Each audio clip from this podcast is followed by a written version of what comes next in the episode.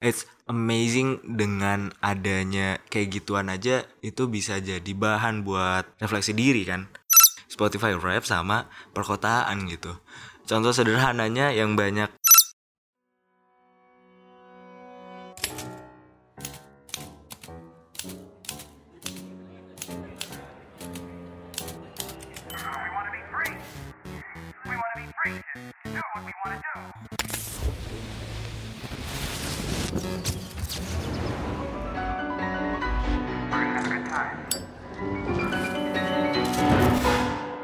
You're listening to Podcast Pecah.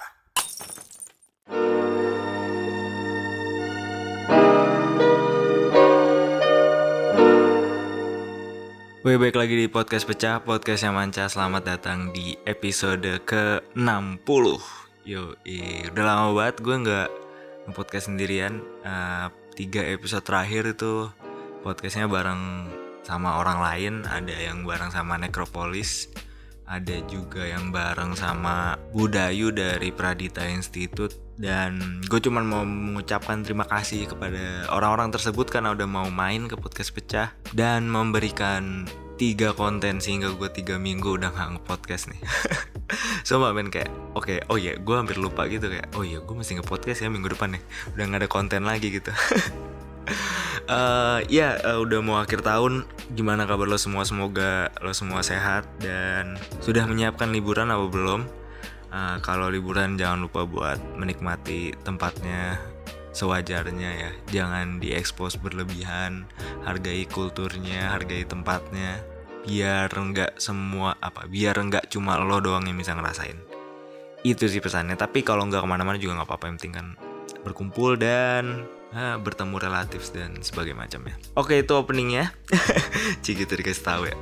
Uh, apa ya? Uh, gue mau ngomongin tentang ini sih tentang Spotify Rap gitu. Terima kasih buat teman-teman yang udah mention uh, ke di Twitter atau di Instagram ke gue uh, tentang Spotify Rapnya. Kan ada bagian podcast tuh ada beberapa orang yang mention dan uh, itu terima kasih sebesar besarnya dia itu gokil banget itu sebuah apresiasi bahwa emang kalian ngedengerin gitu. Dan apa ya walaupun gue baru ngepodcast lagi tahun ini tuh setengah tahun tapi ya uh, sangat menyenangkan gitu kalau ada ternyata ada yang dengerin gitu.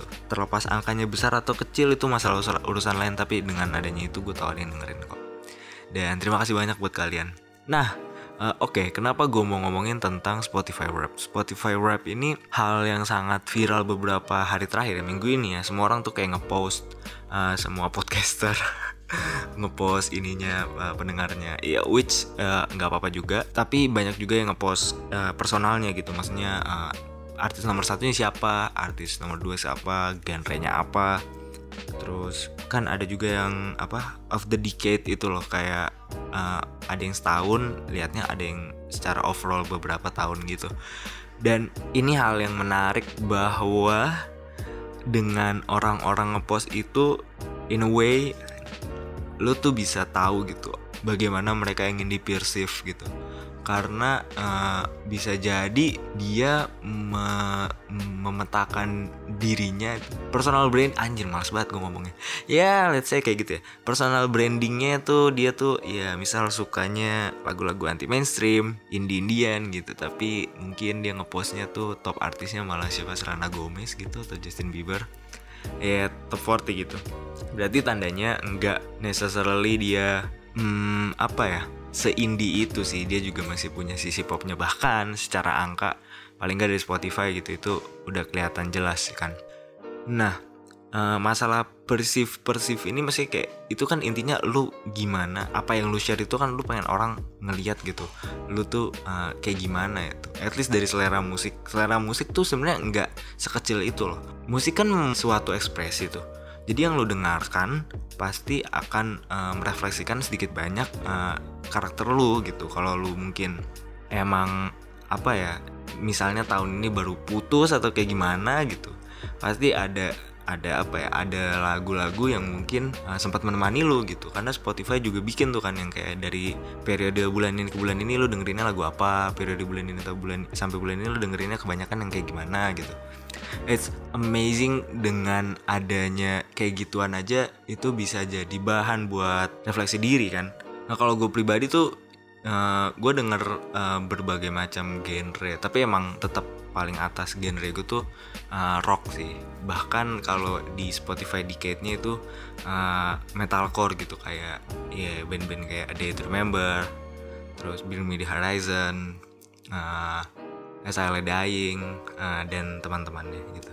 Karena emang gue suka band-band yang seperti itu tapi ada juga sih gue uh, kayak kalau selama setahun liatnya secara setahun ini aja gue dengerin banyak Didi Kempot jadi pop Indonesia naik. Terus ada masa di mana gue banyak dengerin Armada. Ada ada itu. Jadi lucu banget sih itu.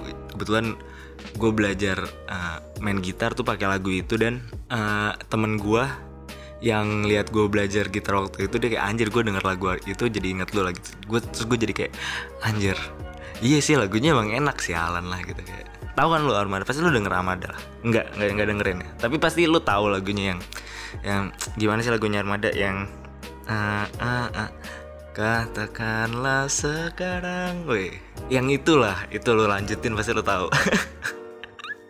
Iya jadi gue banyak dengerin itu. Mungkin that's why ada di Spotify rap gue tuh pop Indo tuh naik. Nah ngomongin tentang apa yang orang lain ingin lihat gitu dari apa yang lu share. Sebenarnya ini juga bisa dilihat dari aspek perkotaan. Sangat podcast pecah sekali. Jadi hubungannya cuy. Spotify rap sama perkotaan gitu. Contoh sederhananya yang banyak beberapa Pemda gitu, Pemda pemerintah daerah, pemerintah provinsi, bahkan mungkin pemerintah pusat gitu yang sangat apa ya pretensius buat uh, ngasih lihat kalau mereka uh, ya so young, milenial, high tech mungkin dengan bawa-bawa smart city lah. Smart city bahkan dari kapan tahu sih udah dibawa-bawa. Itu kan uh, cara mereka untuk membuat masyarakat tahu atau mungkin di tahap belief ya percaya kalau ya memang uh, pemerintahannya tuh atau daerahnya tuh udah udah kayak gitu udah smart tapi memang kebanyakan yang digembar-gemborkan tuh hanya kosmetiknya aja gitu. Nggak tahu smartnya smart kayak apa gitu kan. Dan ini yang bahaya gitu. Uh, karena kalau cuman kosmetik kosmetik doang nggak kena kerut masalahnya. Dan banyak yang melakukan ini meanwhile masalah-masalah yang lebih fundamental kayak apa ya akses pendidikan uh, kemudahan untuk mendapat akses kesehatan akses kesehatan terus juga kayak apa ya ya misal transportasi umum itu kayak belum solve juga gitu. Persetan dengan lu mau ngelakuin apa yang terpenting adalah solving the problem kan. Nggak perlu bacot-bacot mau di perceive smart city, smart governance, e-governance apa pun itu. Tapi ya yang jelas apa yang apa solusinya gitu. Karena harusnya ya itu yang diberikan. Yang masyarakat yang masyarakat butuhkan sebenarnya solusinya kan. Mau apa pun caranya kalau jelas solutif dan memudahkan buat masyarakat ya pasti kemakan-makan juga gitu. Dengan adanya apa namanya staf khusus yang milenial itu kayak apa ya memang sih mereka baru dan nggak bijak juga ngejudge mereka di waktu yang sesingkat ini. Tapi dengan awalan yang nge-share tentang Pancasila dan ya Allah maksud gue kayak ya udah sih gitu seakan-akan tuh apa ya seakan-akan tuh kayak Pancasila tuh nggak nggak diterapkan. Padahal menurut gue mah diterapkan terapkan aja sih sehari-hari. Nggak usah gimana gimana banget. Emang akan ada ekstremis di sisi sana sisi sini. Itu kan yang bikin kayak gitu cuman karena sekarang mah orang-orang pada tahu aja. Dari dulu juga gue kan akan ada orang dari dulu udah ada ekstremis yang jihadis yang mungkin mau ngebom sana sini itu kok udah ada mungkin di di muslim yang kayak gitu. Di Nasrani juga pasti ada. Mesti kayak akan selalu ada ekstremis lah.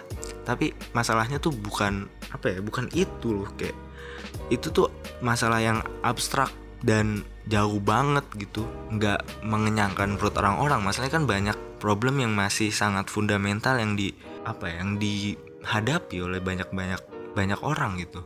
Makanya kalau lu tahun ini banyak menghadapi masalah nggak usah deh nggak usah lu. Kayak gua. Uh, maksudnya gue pun tahun ini gue merasa masalah-masalah yang gue hadapi itu sangat abstrak gitu. Itu menandakan kalau kalau secara individual ngelihatnya itu menandakan lu ada perbaikan secara ekonomi gitu. Karena masalah udah abstrak gitu. Masalah lu misal uh, kebahagiaan uh, meaningful lu nyari arti hidup ini apa terus mungkin uh, lu stres atau kayak gimana itu agak abstrak sih. Kalau masalah lu masih sangat fundamental kayak lu bingung gimana caranya besok makan. Lu mungkin masih nggak nggak tahu mau tidur di mana malam ini tuh kan hal yang sangat sangat real gitu. Bukan hal-hal yang abstrak gitu karena stres lu akan sangat berbeda sama stres orang lain. Karena arti hidup lu akan sangat berbeda sama orang lain. Itu jadi uh, jadi suatu indikasi gitu. Nah minimal kalau lihatnya itu kan secara individu ya udah itu masalah kita masing-masing gitu. Kalau misalnya dilihatnya dari pemerintah itu jadi masalah banget kan. Karena yang harusnya di solve itu yang pertama yang fundamental dulu gitu. Uh, kalau cuman ngomongin yang konseptual dan segala macamnya menurut gua nggak nggak nggak bijak aja gitu. Apalagi itu dikatakan mewakili suara milenial ya gitu. Gue paling benci itu sama kata itu. Sorry sorry sorry, sorry aja nih mungkin buat semua orang. Karena ya apa milenial tuh dari 1980 sampai 1996 atau 9, ada yang bilang juga 1999 itu tuh gede banget men 1980 berarti dia umurnya sekarang berapa cuy? Udah 39 tahun. 39 tahun tuh kalau iya kalau misalnya dia bekerja gitu Itu tuh udah jauh banget nggak bisa disamain sama gua gitu. Yang junior milenial Bisanya dibedainnya senior milenial sama junior milenial. Sementara kebanyakan orang tuh kayak ngomong milenial milenial fucking shit gitu kayak nggak penting. Uh, dan generalisir gitu. Mending ya udah jelas lo ngomong umur sekian sampai umur sekian misalnya 22 sampai 30 gitu itu masih make sense tuh kalau dibagi dijadiin satu gerbong atau bahkan mungkin 20 25 25 30 gitu. Tapi kalau market term milenial jadinya generalisir dan itu nggak nggak tepat gitu. Dan ya itu tadi balik lagi masalah Spotify Rap secara individual kita mau dilihat kayak gimana makanya kita mungkin nge-share lu gue juga nge-share uh, oh ini dia orangnya kayak gini gitu nah dan dengan ada data itu menjadi bisa bisa menjadi bahan untuk refleksi diri. Karena ya itu tadi itu adalah real data. Kita emang kondisinya kayak gimana selama setahun ini. Dan semoga gimana pun kondisinya ya bisa menjadi lebih baik gitu. Karena lu harus tahu dulu state lu sekarang adanya di mana buat moving forward menjadi lebih baik gitu. Untuk belajar dari kesalahan atau apa ya kesalahan-kesalahan atau apa pun yang lo lakuin yang lo rasa kurang tepat ya bisa lo benerin selama tahun depan. Paling nggak mulai dari musik dulu. Lo inget kan oh iya waktu itu tuh gue kenapa dengerin musik yang sedih-sedih mulu gitu ya? Nah mungkin karena ah kayak gini karena masalah ini oh masalah ini udah selesai belum? Oh gue selesainya kayak gini caranya. Oh berarti kalau ada masalah kayak gitu next year nah, lu udah bisa solving itu gitu. Jadi kayak sangat bermanfaat buat gue buat uh, merefleksikan diri. Dan dan ya kayak gitu aja sih dari gue uh, karena ini baru mulai lagi. Gue podcast gue nggak mau lama-lama karena tiga episode kemarin udah lama banget. Uh, kayak ya mungkin ini berapa 11-12 menit uh, akan sangat oke okay buat di episode 60 ini. Uh, tapi semoga uh, walaupun ini sebentar nggak mengurangi esensinya. Uh, walaupun banyak simplifikasi di sana sini uh, semoga lo mendapat uh, esensinya. Harapan gue sih kayak gitu. Uh, jadi kayak gitu aja dari gue kalau ada salah dan kurang bisa lo kritik aja silakan di mana mana uh, sosial media email dan segala macamnya. Kalau mau curhat juga lewat email nggak apa-apa. Mungkin ke depan gue mau bahas tentang cita-citaan karena ada yang curhat lewat email tentang cita-citaan. Terima kasih buat semua orang again yang udah dengerin yang udah mention yang udah uh, dengerin podcast pecah selamat setahun ini. You guys awesome dan kayak gitu aja dari gue terakhir seru nggak seru? Pecahin aja. Deh